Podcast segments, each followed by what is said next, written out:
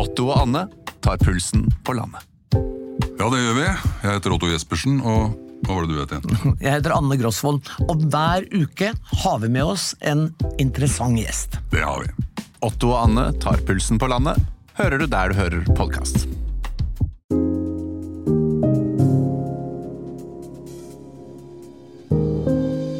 Fredrik og Kadafi, en podkast fra TV 2. Kadafi, godt å ha deg tilbake i studio. Nå har, nå har du vært eh, på tur en stund. Det er innmari fint at du sitter her nå. Takk, takk. Savna deg. Eh, Ja, det har du sikkert. Vi har snakket sammen på telefon, så må ikke dra det så langt. Du, så du det jeg så på vei til jobb i dag? At det ligger en skute på utsida her. Eller kjempeskip. ja. Verdens største krigsskip. Ja. USS Gerald Ford. Nei, men jeg har lyst til å gå bort og se. Oppkalt etter en president som aldri ble valgt, men eh, som eh, i hvert fall var eh, i marinen. Du har ikke sett den? Nei, men jeg skal. Altså Jeg bor jo midt i byen, altså jeg fikk jo gleden av å hilse på noen tørste gaster i går også. Ja, For det er 5000 av dem. Ja, det er, det er nesten 5000 som er om bord. De har ikke sluppet alle i land på en gang, men, men en del av de har sluppet i land og fylt opp hotellene i Oslo. Og nå sitter de og drikker øl. Ikke sant? For de tingene de ikke får eh, på, på skuta si. Ja, men det fortjener de. Har du vært om bord på et noen gang? Nei, vet du hva. Jeg var jo i Sjøforsvaret. Det var min førstegangstjeneste. Ja. Jeg har vært om bord i fregatt og ubåt. Aldri hangarskip. Jeg har vært der. Tre forskjellige til og med. Og fløyet ut med fly. Tatt av med fly. Fortell.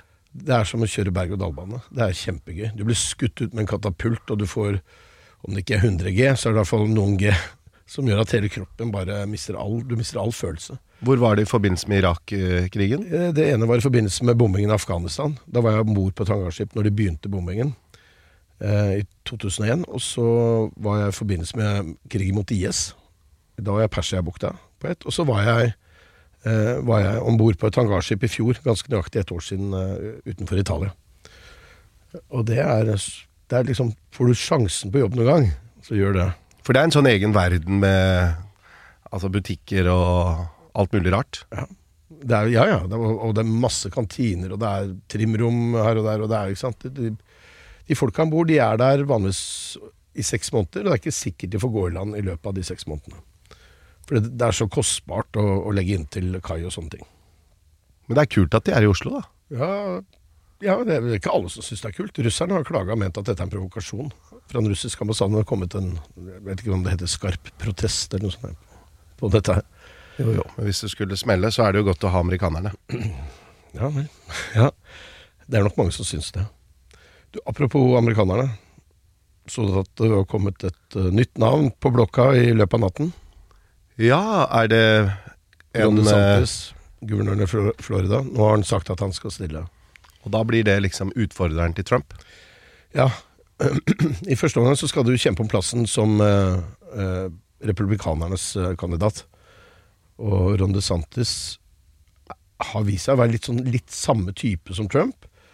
Han vil ikke ha så strenge covid-restriksjoner.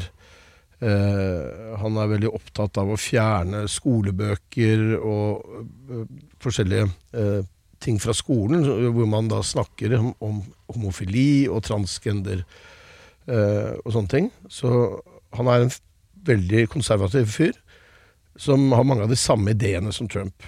Og Trump har jo støttet ham før og sagt mye pent om han. Eh, sikkert fordi han ønsket at han ikke skulle stille, men nå er det de to som kommer til å kjempe om kjernevelgerne til Donald Trump. Og han kan være ganske farlig for Donald Trump, fordi han har lang politisk erfaring. eh, og det er kanskje lettere for veldig mange velgere å tenke seg at han er i bedre stand til å styre landet enn det Trump er. Og Trump har man jo prøvd, og mange har jo sett at han har gjort forholdsvis mye rare ting.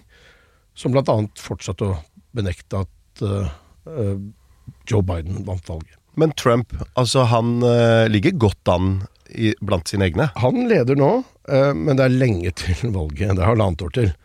Så her kan alt snu. Og så har han en del rettssaker som ligger og venter på ham. Sant? Rettssystemet driver og behandler nå, og det kommer en tiltale mot ham. Eh, og en rettssak skal opp i mars for disse eh, pengene han skal ha utbetalt til eh, denne pornostjernen eh, via sin advokat. eh, for at hun ikke skulle fortelle om deres forhold offentlig, slik at han kunne vinne valget i, i 2016. Eh, og så er det den saken som kan bli aller vanskeligst for ham hvis det blir tatt ut tiltale, og det er det all grunn til å tro at det blir, nemlig at han forsøkte å få valgansvarlig i delstaten Georgia til å endre valgresultatet. Han ringte ham jo, og den samtalen er jo offentliggjort, og legger veldig press på ham. og Han ber ham om å finne noen ekstra stemmer. Eh, Og det er et forsøk på valgjuks, ifølge eh, justismyndighetene. Og det er noe som virkelig kan skade ham i forhold til DeSantis. Mm. Blir spennende. Blir mange USA-turer på deg, da. Jeg er så lei USA. Jeg orker ikke mer Donald Trump. Litt seinere skal eh, du få treffe Else Kåss Furuseth, men nå Valgkomiteen i Norges eh, idrettsforbund har anbefalt 35 år gamle Zaineb Al-Samarai som ny president i organisasjonen. Og det stiller flertall av idrettskretsene seg bak, inkludert den aller største Viken. Med det utfordrer hun sittende president Berit Kjøll. Velkommen. Takk. Hva gjør deg kvalifisert til denne jobben? Um, jeg tror eh, bakgrunnen min som både utøver på bredde og topp, og også idrettspolitiker på bredde og topp, og det å kjenne organisasjonen såpass godt som jeg gjør, er en viktig kvalitet å ha med seg inn. I tillegg så er jeg eh, en samlende person. Eh, jeg elsker norsk idrett. Og jeg har bakgrunn både som politiker og jurist og kommunikasjon, som jeg tror er viktig å ha med seg inn i en sånn jobb. Det var valgtalen. Nå om valgtalen. Ja, men, men hvordan går det? Altså, det er eh, valg eh, i begynnelsen av juni. Hvordan ligger du an?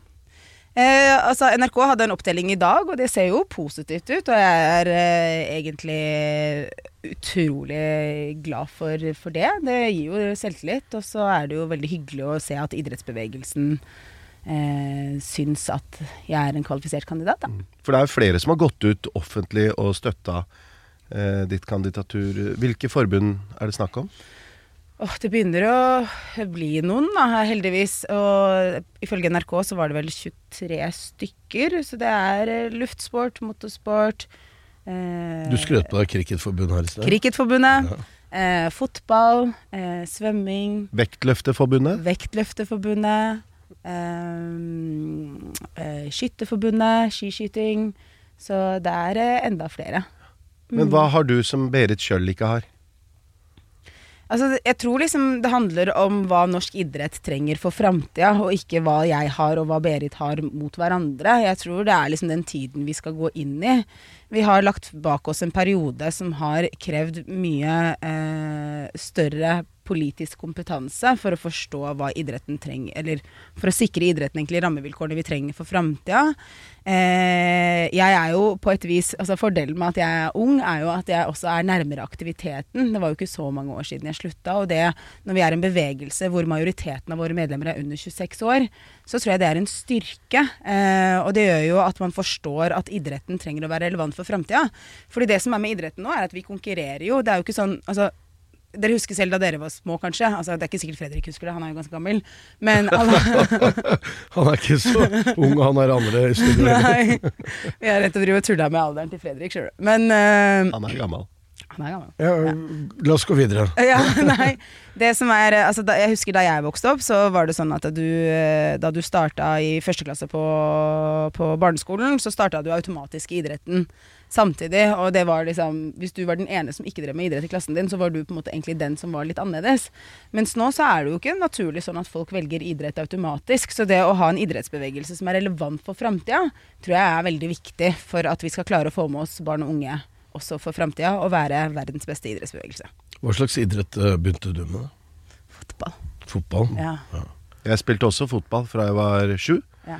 Men jeg tenker, altså En årsak til at kanskje det er mange som ikke gjør det, eller ikke kan gjøre det, er jo pris. Mm. Det er jo veldig dyrt. Hva vil du gjøre med det?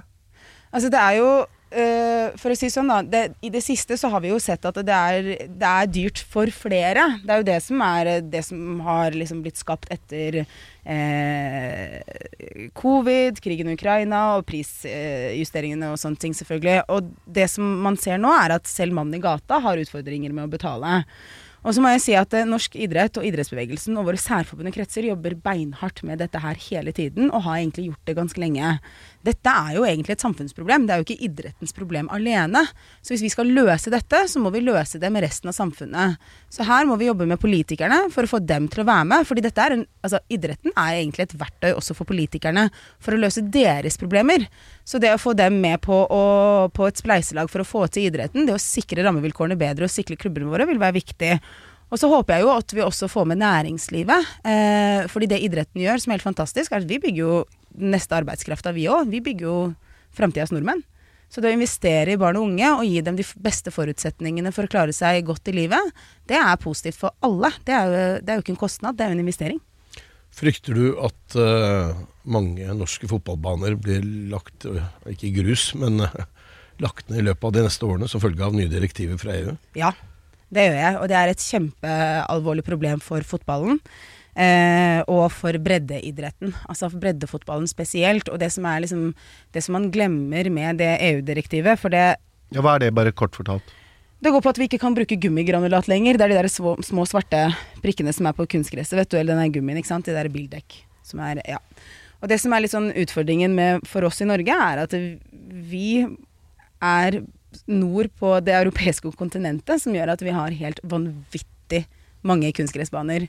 Så vi har ikke nok, for som det er sagt, så hvis noen lytter, vi har ikke nok, vi skal ha flere. Men vi har jo, det vi har, så er det ganske mange. Og vi ser jo også at toppidretten drives jo også på kunstgress, for så vidt. I motsetning til liksom naturgress, som man selvsagt skulle ønske. Men i et land som Norge, som har så eh, forskjellig type vær, så har kunstgress vært ganske viktig for å få til det. Og det betyr jo også at eh, kostnadene kommer til å være ekstremt høye for fotballen for å klare å, å tilpasse seg direktivet. Du, bare et spørsmål. Du mener jo, eller vil jo tenke på framtida og eh, OL? Det er jo lenge siden Lillehammer. Mm. Hvor gammel var du da? Du blir sjef for det òg, du. Hæ? Du blir sjef for uh, OL. Blir sjef for, ja, eh, det blir man. Man blir sjef for det som kalles eh, NOK, Norges olympiske komité, og paralympiske komité. Hvor gammel var du da? 94? Syv. Jeg hadde ikke kommet til Norge ennå. Oi. Ja, så det var egentlig ganske morsomt, fordi jeg husker da jeg skulle inn i, idrettsstyret første gang, så ringte valgkomiteens leder meg for å fortelle at jeg var innstilt, da. Og det var liksom sånn sent på kvelden, og jeg var ganske stressa på vei ut av et møte og sånn.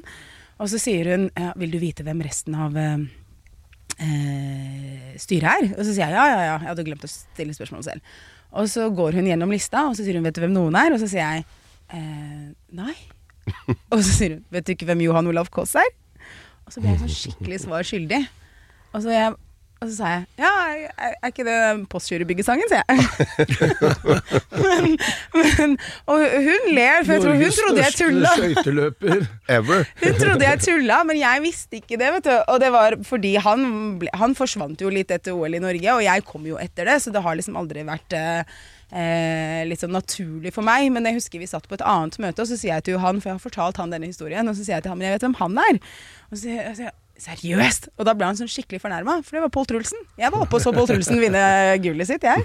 Jeg, jeg, jeg har spilt curling, forresten. Ja, du, du, Jeg, jeg var også ganske god. Det var på en tid hvor det var tre juniorlag, aktive juniorlag i Norge. hvorfor sluttet du?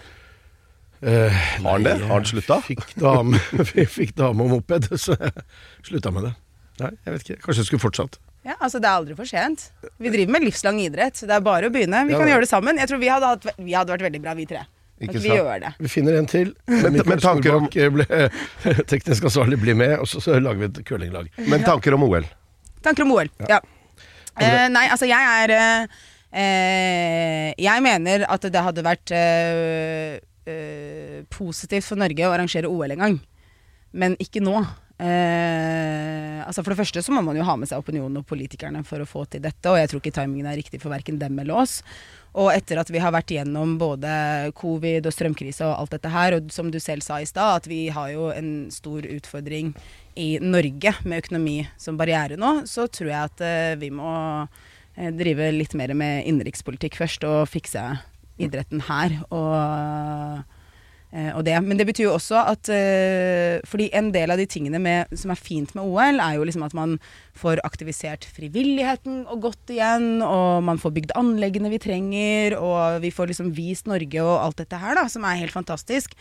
Og jeg bare håper at samfunnet og politikerne forstår at vi trenger fortsatt å bygge anlegg, få hjelp til å få tilbake frivilligheten, uavhengig av om vi får det.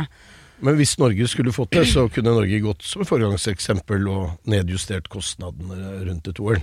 Absolutt. Og det er veldig mye som Altså, det er jo litt annerledes enn hvordan det har vært før fra eh, IOC sin side på noen ting også. Eller i hvert fall så sies det at det skal være det. Så det skal være mer fokus på bærekraft, det skal være fokus på priser og sånne ting. Så det er jo veldig viktig. Du sa i sted at du kom til Norge når du var sju år. Hvor kom du fra? Irak. Altså, jeg kom fra Syria da, men jeg er fra Irak. Ja, jeg har vært der. Eh, jeg har aldri opplevd det som noe spesielt trivelig land, men det var vel kanskje derfor du også dro med familien? Opplevde du folka trivelig da? Jeg opplevde masse trivelige folk, Ja, men, sånn, sånn, sånn, generelt- men jeg, har, jeg, jeg har dratt dit når det har vært krig, og det har jo ikke liksom skapt de store, gode minnene. Nei, altså vi dro jo i 92 eh, fra Irak, og da Noen av mine siste minner, eller noen av kanskje mine første minner, kan det være, er jo for så vidt krigen. Eh, jeg husker jo da Bagdad ble bomba. I 91. Ja. Så det husker jeg. Og jeg hadde en onkel som ble, ble drept. Eh, han var helikopterpilot og ble skutt ned, så det er liksom også en av minnene man tar med seg eh, derfra. Eh, men eh, grunnen til at vi dro, var jo egentlig ikke bare fordi det var krig. Det var fordi faren min eh, begynte å jobbe for, altså, mot Saddam. Eh, og var mot Saddam som leder av Irak. Eh, og da var han rett og slett trua, da. Så hvis ikke vi hadde dratt, så hadde mest sannsynligvis faren min vært død nå. Men denne bakgrunnen din, altså både ikke sant, røtter i Irak, oppvekst på Holmlia, Oslo. Eh, hvordan tenker du at du kan sette ditt preg på idretten med den bakgrunnen? Em, jeg tror jo alle opplevelser man har hatt gjennom livet betyr noe for hvordan man er som menneske. Og så tror jeg jo at uh, eh, Altså da jeg vokste opp selv, da, uavhengig av om det var liksom sånn Altså om det var Holmlia eller fotballen eller hva det var, så savnet jeg jo på en måte mine egne rollemodeller. Eh, og det handla jo egentlig ikke bare om at de måtte se ut som meg, for det var jo langt eh, unna. Men det handla jo også at de eh, Altså bare som et eksempel, da. Da jeg spilte fotball, og jeg var på kretslaget, og så husker jeg at de ga oss en dametrener. Og var jeg, da var jeg så sur. For jeg tenkte at de prioriterte oss ikke, for det var en dame. For jeg har vokst opp med at det er liksom gutta som kan ting. Det er gutta som kunne fotball, det er gutta som kunne være trenere. Så det å, i en tid, og i 2023, det å ha en ung kvinne med, med min bakgrunn, tror jeg bare styrker for norsk idrett. For samfunnet har endra seg. Så det å vise at idrettsbevegelsen også har gjort det, og det må jeg bare skryte av alle disse særforbundene og kretsene som faktisk har foreslått meg og ønsker meg. Det er jo deres fortjeneste at jeg for så vidt sitter her. Eh, så det viser jo at norsk idrett er i endring. Men du, tusen takk for at du kom til oss. Takk for at jeg fikk komme. Og lykke til med valget. Takk. Straks eh, så skal du få høre hvordan det går med slankinga til eh, Kadafi Saman. Og Else Kåss Furuseth som kommer til oss. Velkommen til Kjemperådet! Denne gangen har vi fått inn et kjempedilemma fra en familie. Jeg leser Hei, vi er litt uenige i familien her. Hvis du skulle vært et dyr, ville du hatt gjeller eller vinger? Oi, den er tricky. Ja, Hva ville dere hatt, da? Altså, jeg vet ikke, men med familierabatt får de ubegrenset data fra Telenor fra 399 kroner. Da kan de jo scrolle seg til svaret, rett og slett. Ja, ok, Men for min del Ja. gjelder. Nei, nei, Nei. nei, vinger. Nei, nei, Ja, okay, ja, Kjempebra. Men eh, se nye mobilabonnement på telenor.no, da. Det er en deilig følelse når noen tenker på deg. Men det er ganske deilig når noen tenker for deg også. Når du velger Kolonihagen, kan du være trygg på at noen har tenkt for deg. Dyrevelferd og ansvar er hensyntatt, og du kan bare nyte den gode smaken. Derfor har vi i Rema 1000 et stort utvalg av økologiske kvalitetsprodukter fra Kolonihagen til en lav pris. Rema 1000. Det er sluttsummen på valgene vi tar, som teller. Kadafi, vi har jo vært litt uh, i en fase hvor vi litt sånn forsiktig har prøvd å gå ned noen kilo i løpet av denne våren. Åssen går det? Nei, det gikk jo ikke så bra i starten. Jeg gikk jo faktisk opp. Men nå sist Ja, Den måneden du skulle gå ned ti, så gikk du opp. Ja, det var altfor ja. optimistisk. Men nå har jeg faktisk gått ned to kilo på tre uker. Spise sunt. Siste måltid du spiste, var var Skagenrøre. ja, det, Det var mye reker, da. Kjempesunt. Det er veldig sunt. Ja. Og salatblad der òg. Men du, sånn seriøst, jeg har gått ned to kilo, og det jeg har gjort, er at jeg har begynt å løfte litt vekter. Og da forbrenner du mer, merker jeg. Så jeg spiser det samme, men litt mer vekter. Men vi har jo fått en gjest i studio som, som Det var veldig eh, søte noen ja. Det Fordi, det? ja, fordi altså, du snakket om at du skulle gå ned vekt, og det du også dro i håret ditt samtidig. Og kjente, og liksom, du søta deg til for Fredrik, liksom, og så ned og sånn. Jeg tror jeg han meg til til deg. Ja, nei, vet Det var ikke. Else Kåss Furuseth, velkommen. Hei, veld, veldig hyggelig å være her. Hyggelig å komme inn i den litt sånn psykologaktige tonen dere hadde her nå. Ja, det er vel Ja. godt å bli analysert òg, da. Ja, hvordan psykolog? ham. Nei, altså, det, bare, det er jo mer vant til å se det på TV, hvor det er liksom mer sånn, litt mer sånn tøffe Litt mer sånn reporteren med vest, liksom, da. Ja, Med vest. ja. Her er det litt mer sånn flis og pledd med armer-aktig stemning. det var veldig koselig. Ja. Jeg får stas å få lov til å komme hit. Ja, men det er hyggelig at du sier. Mm. Du har begynt med noen sånne slankesprøyter, du. Jeg har begynt med det ganske nylig, ja. Ja. Eh, så nå, det, jo- nå er jo Det kan, skal vel ikke hete slankesprøyte, tror jeg. Det er vel vektregulerende medisin. Ja, ja. Tror jeg det er viktig, ikke sant? Altså det er riktig ord.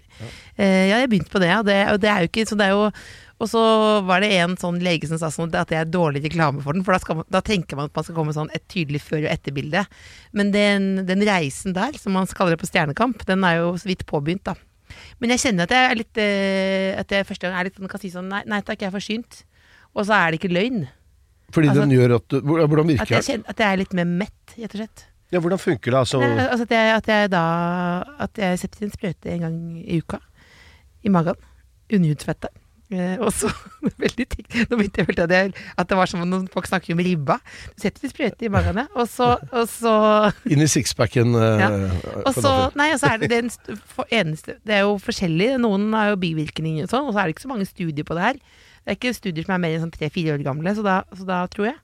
Eh, Betyr det at hva som helst kan skje? ja, ikke at jeg kan sprekke eller dø eller sånn, tror jeg. Eh, så det er, det er vel en ganske sånn trygg medisin. Men for min del så er jeg litt mindre sånn jag. Altså det er litt mer sånn Litt roligere i butikken. men hvordan får du tak i denne medisinen?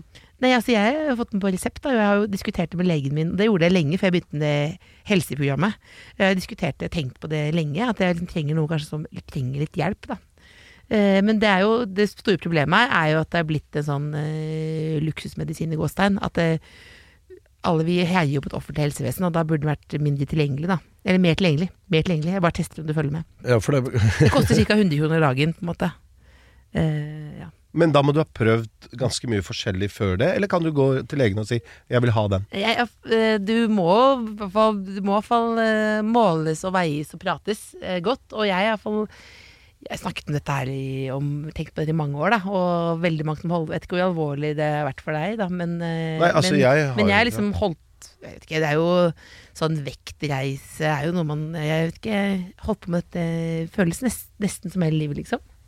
At, Ja. jeg liksom, at jeg har vært i sånn battlefield inni meg, liksom. Sånn Nå! Denne sommeren! Jeg skal vise deg igjen. Du skal ikke kjenne meg igjen. Jeg kommer tilbake til å være helt annerledes. men, men Nå er det mer babysteps, da.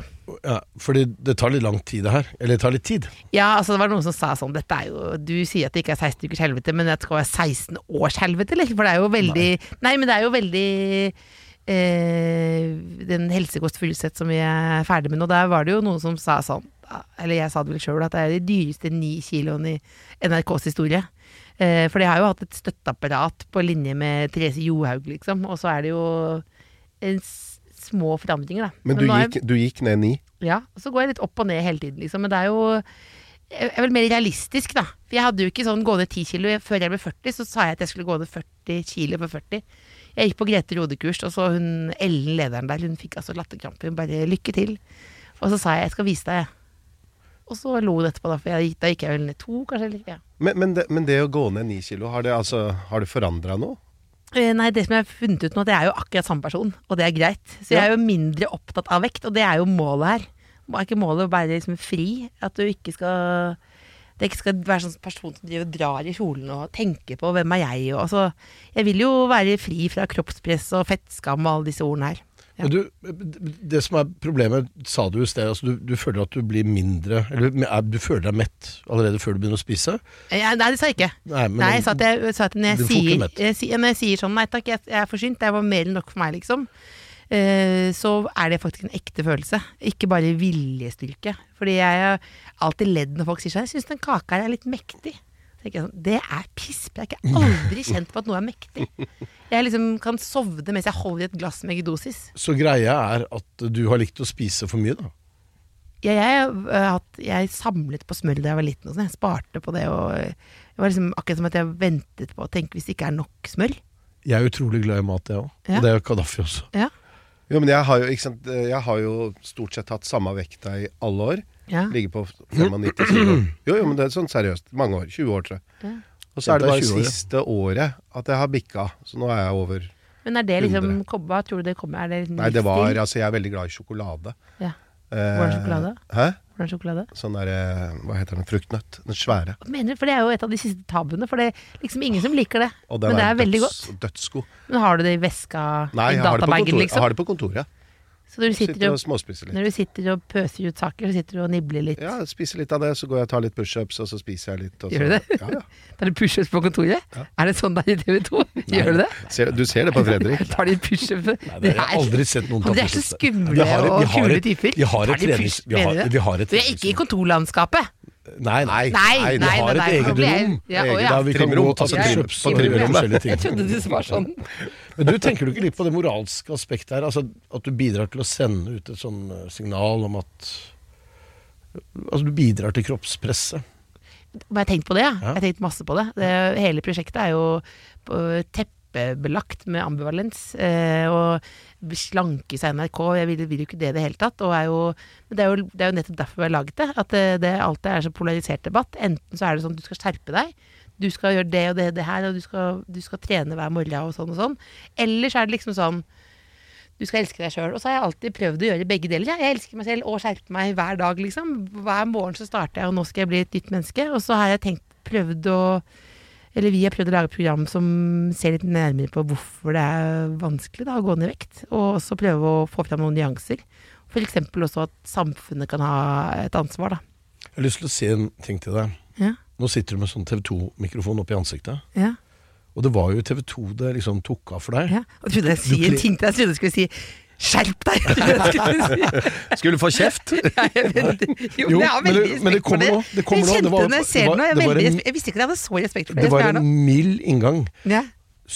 Tenker du ikke noen gang at du sy- altså, jeg syns du kler den mikken. Jeg syns du skal komme tilbake til TV 2. Nei, men jeg har jo vist meg som det som uh, fatter'n kalte det bransjeord eller sånt noe. Jeg, jeg flyr litt uh, overalt, jeg. Ja. Ja. Men, Så kanskje plutselig ses en gang en gang igjen. men du ble jo kjent for alvor gjennom uh, Torsdag kveld fra Nydalen. Ja. Og eh, der viser du at du hadde ingen hemninger. Ja. Ingen sperrer. Altså, du, du kledde deg ut som eh, Eller du kledde av deg. Ja. Tok på deg matrosjakke og var naken. Ja. Ja, jeg Eh, var og gikk, gikk, gikk på bussen ja. eh, naken nedentil. Ja. Som Donald Har du, har, du, har du ingen hemninger? Når det gjelder kropp? Altså, det på, på, på jobben så har jeg ikke noe særlig hemninger nei, men på privaten har det vært, det har vært litt sånn motsatt. da. Så det begynte å bli, liksom, bli litt vel stor forskjell mellom hva jeg drev med på jobben. Så kunne jeg liksom danse eh, rolig vals naken foran Slottet. Og da var mitt største problem at det var vondt med sånn grus under føttene, og at politiet kom. Og de sa dette det er erotikk. Og så sa jeg sånn nei, det er komikk. Og så lo jeg litt av det etterpå. Mens jeg liksom Hvis jeg skulle skifte på Tøyenbadet, så ble jeg veldig flau. På privaten. Så, var det, så jeg prøv, prøver jo egentlig å være like fri på privaten. Jeg skal ikke begynne jeg skal ikke bli- like fri. Ikke naturist Ikke, ute. ikke gå på bussen naken. Nei, det skal jeg ikke, skal ikke gjøre. Det skal ikke, alltid med samtykke, og alle fikk betalt, holdt jeg på å si. Men, men altså, du skjønner hva jeg mener. Inni meg, da. Det var tanken her. Hvordan var det? Jeg bare lurer på dette med Bussen? Nei, Nytt på nytt. Var du kandidat eh, der nå? Det veit jeg ikke. De, de spurte ikke Du var jo altså- i, mediene var det jo litt spekulasjoner med Ja, var- ditt navn. Var det du som spekulerte? Nei, jeg leste det. Nei, jeg vet ikke hvem som Jeg vet ikke noe om eh, prosessen der også. Nei. Men eh, kjenner du til Isalill? Hun Nei. er sabla bra. Vet du hva, hun har vi lyst til å ha. Ja, hun er veldig, En veldig bra. Ja. Ja, Det, er bare å, det er bare å glede seg, rett og slett. Nei, jeg måtte bare spørre. Jeg bare tenkte kanskje de hadde spurt. Og Og at du hadde sagt nei. De skulle ha litt juice, du nå. Ja. Altså. Du har ikke fått noe juice ennå. Ingenting. Jo, fått juice at du har gått ned to kilo på to uker eller sånt nå. Og du skal klippe som du fortalte før vi begynte. Ja, ja, nå skal jeg klippe meg. Og Fredrik har Det var nyklipt, det. Nyklipp, ja. Ja. Uh, uh, Else, du har vært veldig utleverende om egne følelser. Ja. For noen år siden, tolv år siden tror jeg, så var, så jeg et show i Bergen som heter uh, Kondolerer. Ja. Eh, har du sett det? Nei. Nei, det handler altså om din eh, mor og bror som da tar livet av seg. Ja. Og det blir et sceneshow. Og eh, altså At det skulle være så kort mellom latter og gråt Mm. for oss som satt i salen, Ja. det har jeg aldri vært med på. Eh, Når jeg sett, vært på Var det, teater eller var det en god opplevelse, da? Det var en veldig var en ekstremt god opplevelse. Ja. Fordi eh, det er så mye sorg. Mm. Og så har det at du igjen er hemningsløs, da, det Ja. gjør jo at eh, Gjør jo at det også blir befriende når du begynner å le, ikke sant. Mm. Men er det ikke vanskelig å lage sånn? Så privat? Jo, det er jo på mange måter for privat. På en måte. Det er jo veldig personlig, men så var det det Det går litt tilbake til at jeg følte at jeg liksom begynte å leve litt sånn dobbeltliv. At det var sånn at jeg var så eh, altså Broren min var jo var ganske syk over lang tid, men veldig sånn hemmelig. Ikke for meg, da, men fungerte ute i verden på mange måter. Men jeg jobbet veldig som pårørende og holde han i live sammen med pappa. Og veldig, han fikk veldig god støtte i helsevesenet nå, men det begynte liksom Det var liksom sånn eh, Et ønske om å eh, Fader, er klisjé. Bringe håp. Kanskje til meg sjøl også. Eh, og til andre. Og at, liksom at ikke bare at det går an å leve videre, men kanskje normalisere litt den situasjonen, da. Og ikke liksom fjerne det som tabu, for det tror jeg ikke går an. Og vi snakker jo mye mer om selvmordsforebygging i media i dag. Eh, og så er det jo fortsatt eh, veldig høye tall. Og så ofte så snakker, føler jeg ofte en diskusjon ender på litt sånn prat om åpenhet. Ja, liksom, altså, vi deler jo, det vet jo dere alt om, folk deler jo raust i media. Og så kan vi jo snakke mer, nå er jeg kanskje mer opptatt av sånn, skal snakke mer om strukturelt om helsevern og altså litt sånn andre Blir mer og mer litt sånn hobbypolitiker, på en måte. Fordi det er jo rett og slett eh, vanskelig, da. Eh, og, og trengs mer handling og mer cash, gjør det ikke det? Nå ser jeg på deg, for jeg føler du vet dette, Fredrik. Jeg vet, Vet ikke det? jeg vet ikke. Jeg er ikke så klok som mange skal ha det til. Er det ikke det? Fader, altså. Er det bare en myte? Det er bare en myte. Fader, altså. Jeg vet jeg vet Ja. ikke Var det et svar på spørsmålet ditt? Men det, ja, ja, det, var- det var et svar på spørsmålet. Jeg, jeg tenker at veldig mange følte at det å se det showet var en slags terapi. Mm. Og det var det kanskje for deg også? Ja, da, husker da så var jeg veldig opptatt av å si nei, det er ikke terapi for meg, og sånt, men i ettertid så ser jeg at det var det jo. For det var jo to år etter at uh, broren min døde jeg lagde det. Uh, det var jo det var liksom trigget av akkurat den situasjonen jeg satt og så og ryddet i et Han var veldig ryddig type, men han samlet oss på veldig mange ting. Jeg satt hjemme og ryddet leiligheten hans, og det var sånn 72 lysestaker, og så gikk gjennom almanakken hans, da. Ikke dagboken sånn, jeg følte at jeg kunne se almanakken hans. Så så at han hadde planlagt å se en sånn derre eh, dokumentar om jødeutryddelsen. Jeg vet ikke, En sånn som er syv timer lang eller noe sånt noe, som man skulle se den dagen etter at han tok sitt eget liv. Og så sa jeg til fattern sånn, hvis jeg visste jeg skulle se den dokumentaren, så hadde jeg hengt meg av. Så lo vi sånn veldig, veldig godt av det. Og så sa han enig, og så sa han hysj, det der må du aldri, aldri, aldri, aldri si til noen. For det er det ingen som kan forstå. Og så da tenkte jeg det har lyst til å prøve å si høyt, da. Og jeg vet at det kan noen forstå, liksom. Ja. Er du ensom? Om jeg er ensom? Ja, tidvis. Men ikke, ikke som en sånn grunnfølelse. Men sveiper litt innom. Og så vet jeg ikke Nå snakker man jo litt mer om ensomhet. sånn, Hva er det det er? Men det er vel kanskje noen ganger mer en sånn eh, Jeg vil kanskje noen ganger litt tidvis prege av eh, sorg. Kanskje mer. Eh, ja. Savn er kanskje ordet. Etter Det uh, Jeg tror det at øh, broderen døde, tror jeg, det ville jeg vel alltid ha med meg. Vi har jo alle sånne sekker. Eh, så Før var det kanskje en sånn der kjempestor sånn speidertursekk, men nå er det mer sånn litt fjellrevensekk som jeg har med meg, da.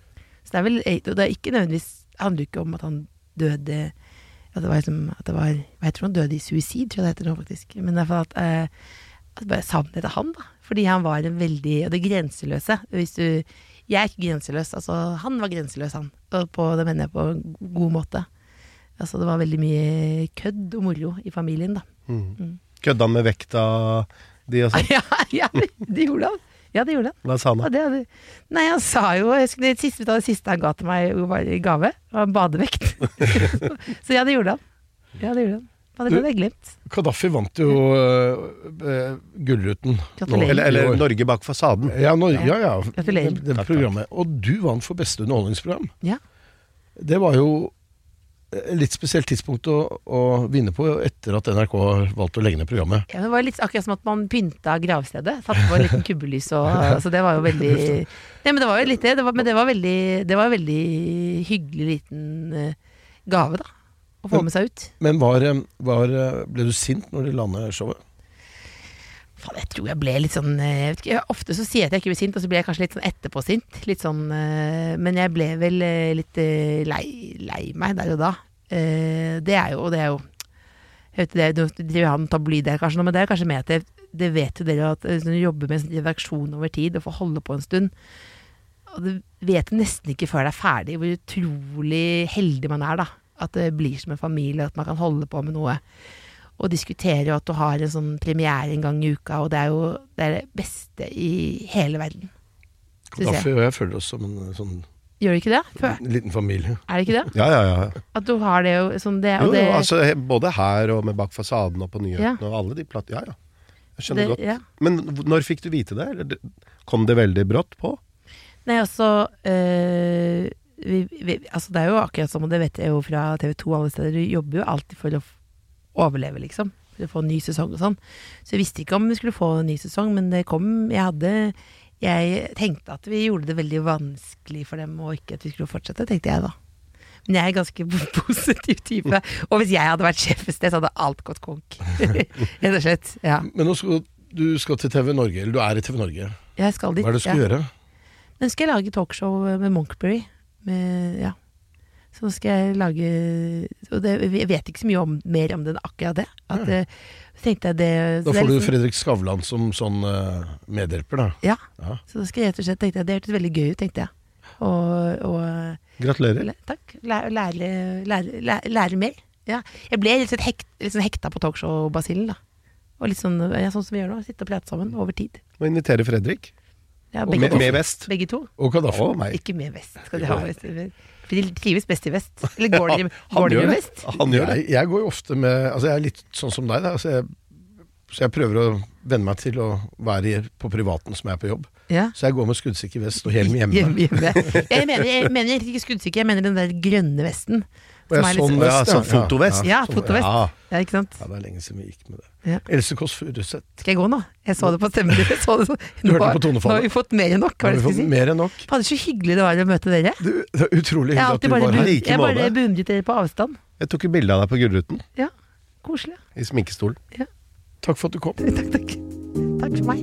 Her i studio satt eh, Kadafi Saman og Fredrik Resvik. Teknisk ansvarlig som vanlig Mikael Skorbakk, produsent Maja Gjertum og redaktør Karianne Solbrekke.